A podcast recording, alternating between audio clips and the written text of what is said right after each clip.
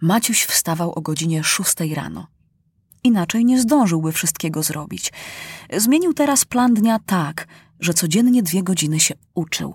Przybyły mu posiedzenia Sejmu.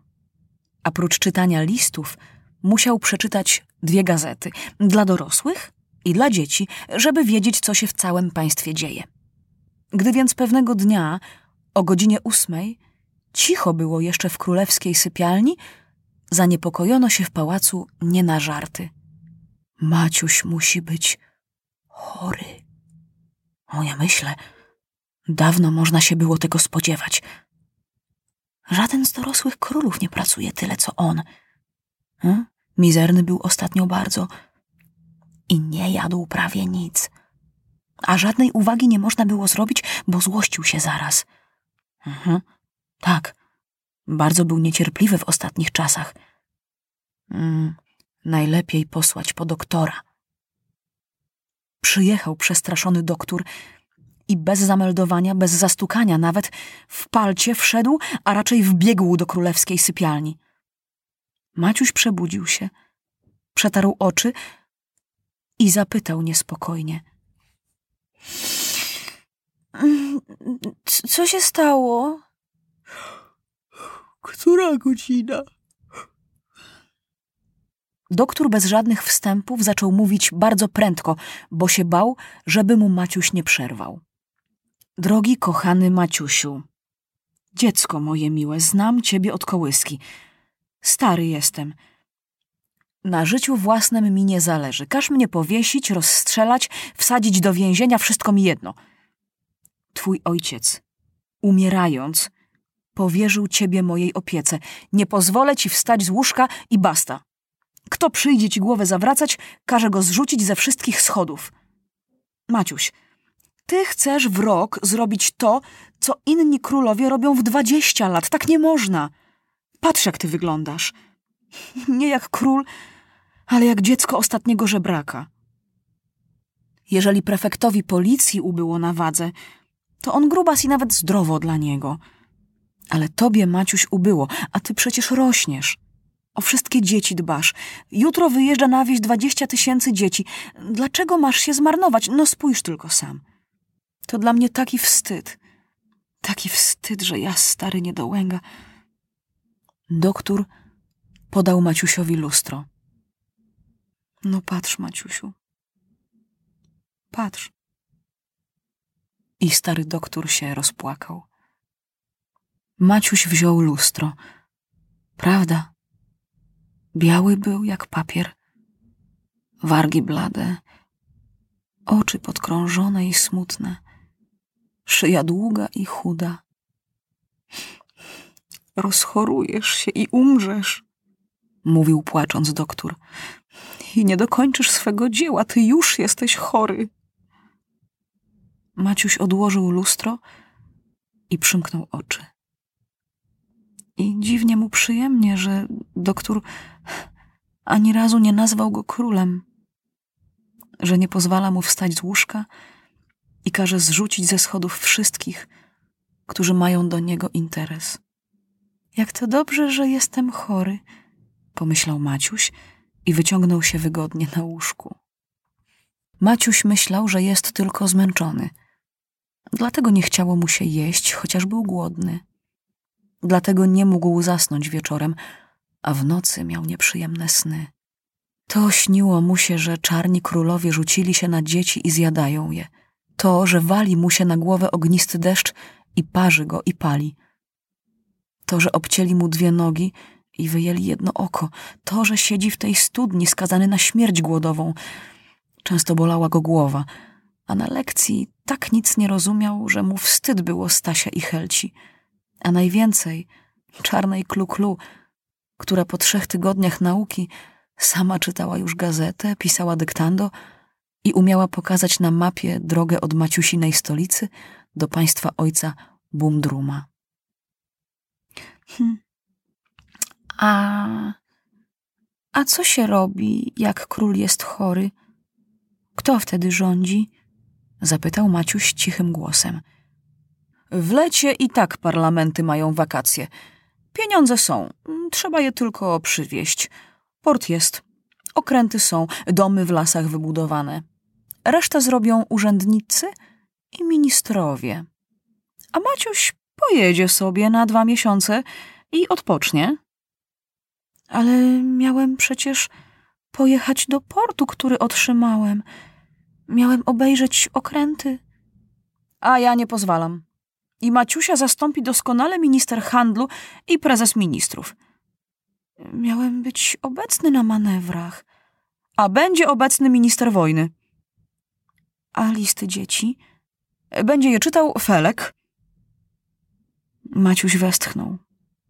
Niełatwo zgodzić się na zastępstwo, gdy człowiek przywykł sam wszystko załatwiać. Ale istotnie, Maciuś sił nie miał. Przyniesiono Maciusiowi śniadanie do łóżka. Potem mała Kluklu opowiadała Maciusiowi śliczne murzyńskie bajki. Potem bawił się pajacykiem, którego bardzo lubił. Potem oglądał śmieszne obrazki w książkach dla dzieci. Potem przyniesiono mu do łóżka jajecznicę z trzech jajek, szklankę gorącego mleka i bułkę ze świeżym masłem. I dopiero po tym wszystkim doktor pozwolił mu ubrać się i usiąść na balkonie na wygodnym fotelu.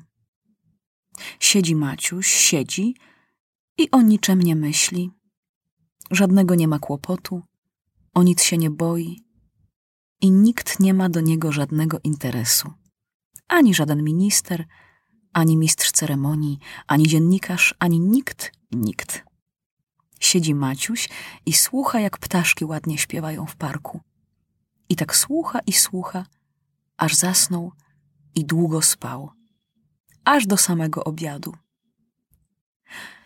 A teraz zjemy obiadek, uśmiechnął się doktor. Po obiedzie przejedziemy się powozikiem po parku, potem znów drzemka. Potem kąpiel i do łóżka Lulu spać. A potem kolacja i znów spać. Maciuś spał.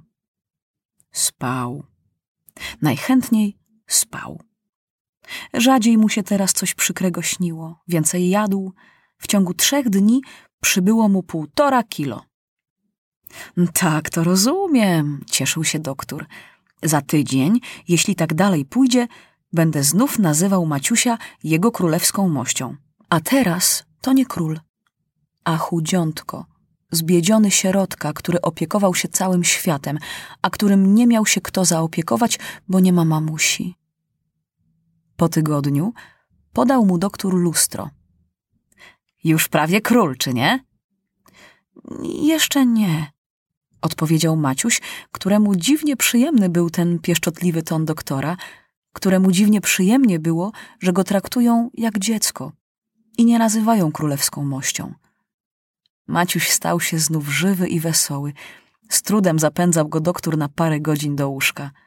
A co tam piszą w gazecie? W gazecie piszą, że król Maciuś jest chory i tak samo jak wszystkie dzieci w jego państwie wyjeżdża jutro na całe lato na wieś, na wypoczynek. Jutro? Ucieszył się Maciuś.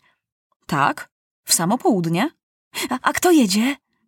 No ja, kapitan z dziećmi, no i chyba Klu-Klu, bo z kim by się tu została? No, rozumie się, że Klu-Klu musi pojechać z nami. Tylko dwa papiery podpisał Maciuś przed wyjazdem. Że zastępować go będzie prezes ministrów w sprawach obywateli dorosłych i Felek we wszystkich sprawach dzieci. Dwa tygodnie nic nie robił Maciuś, tylko się bawił. Zabawy prowadziła Kluklu. Różne polowania, wyprawy wojenne, ślicznie budowała z gałęzi szałasy i ich nauczyła. Jedne zabawy odbywały się na ziemi, a drugie na drzewach. Z początku Kluklu nie umiała chodzić w trzewikach. Co to za dziki zwyczaj? Skarżyła się. Żeby na nogach nosić ubranie? Potem gniewała ją sukienka. Dlaczego u was chłopcy inaczej się ubierają niż dziewczęta? To jest zupełnie dziki zwyczaj. Przez to dziewczynki u was są takie niezgrabne. Ani na drzewo nie można się wdrapać, ani przez płot przeskoczyć. Zawsze nieszczęsna sukienka plącze się i plącze. Ależ klu-klu, ty chodzisz po drzewach lepiej niż nasi wiejscy chłopcy, nie mówiąc już o Maciusiu i Stasiu. Alboż to drzewa, śmieje się Kluklu. To są patyki dobre dla dwuletnich dzieci, a nie takiej jak ja, dorosłej dziewczyny. Raz podziwiały dzieci, jak zręcznie przeskoczyła wiewiórka z drzewa na drzewo. Pff, i ja to umiem, powiedziała żywo Kluklu. I zanim Maciuś, Staś i Helcia zdążyli się połapać, co ona chce zrobić, Kluklu zrzuciła sukienkę i sandałki, skoczyła za wiewiórką i rozpoczęła się gonitwa. Wiewiórka skacze z gałęzi na gałęź, a Kluklu za nią. Wiewiórka hop z drzewa na drzewo, a Kluklu za nią. Z pięć minut trwała gonitwa, aż wiewiórka zmęczona skoczyła na ziemię. Kluklu za nią. Myślały dzieci, że się zabije, ale ona tak zręcznie spadając, to chwytała się, to odpychała gałęzie, że spadła na ręce i trzyma wiewiórkę. Złapała ją za kark tak, że wiewiórka nie mogła jej nawet ugryźć.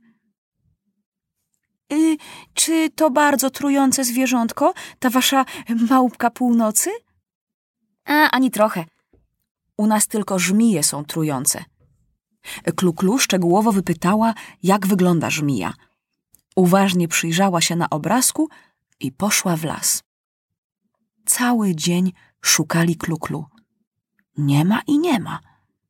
Dopiero wieczorem wróciła potargana, podrapana i głodna. Ale przyniosła w szklanej bańce trzy żywe żmije. Jakże ty je złapałaś? Pyta się zdumiony Maciuś. Tak jak się łapie wszystkie jadowite węże, odpowiedziała z prostotą. Dzieci wiejskie bały się Kluklu z początku, ale potem bardzo ją szanowały i lubiły. Hmm, chociaż dziewucha, a najpierwsza między chłopakami. Mój Boże, jacy to muszą u nich być chłopcy. Hmm, akurat tacy sami, wcale nie lepsi, tłumaczyła Kluklu. To tylko u białych dziewczynki noszą długie włosy i suknie i przez to nic nie mogą robić.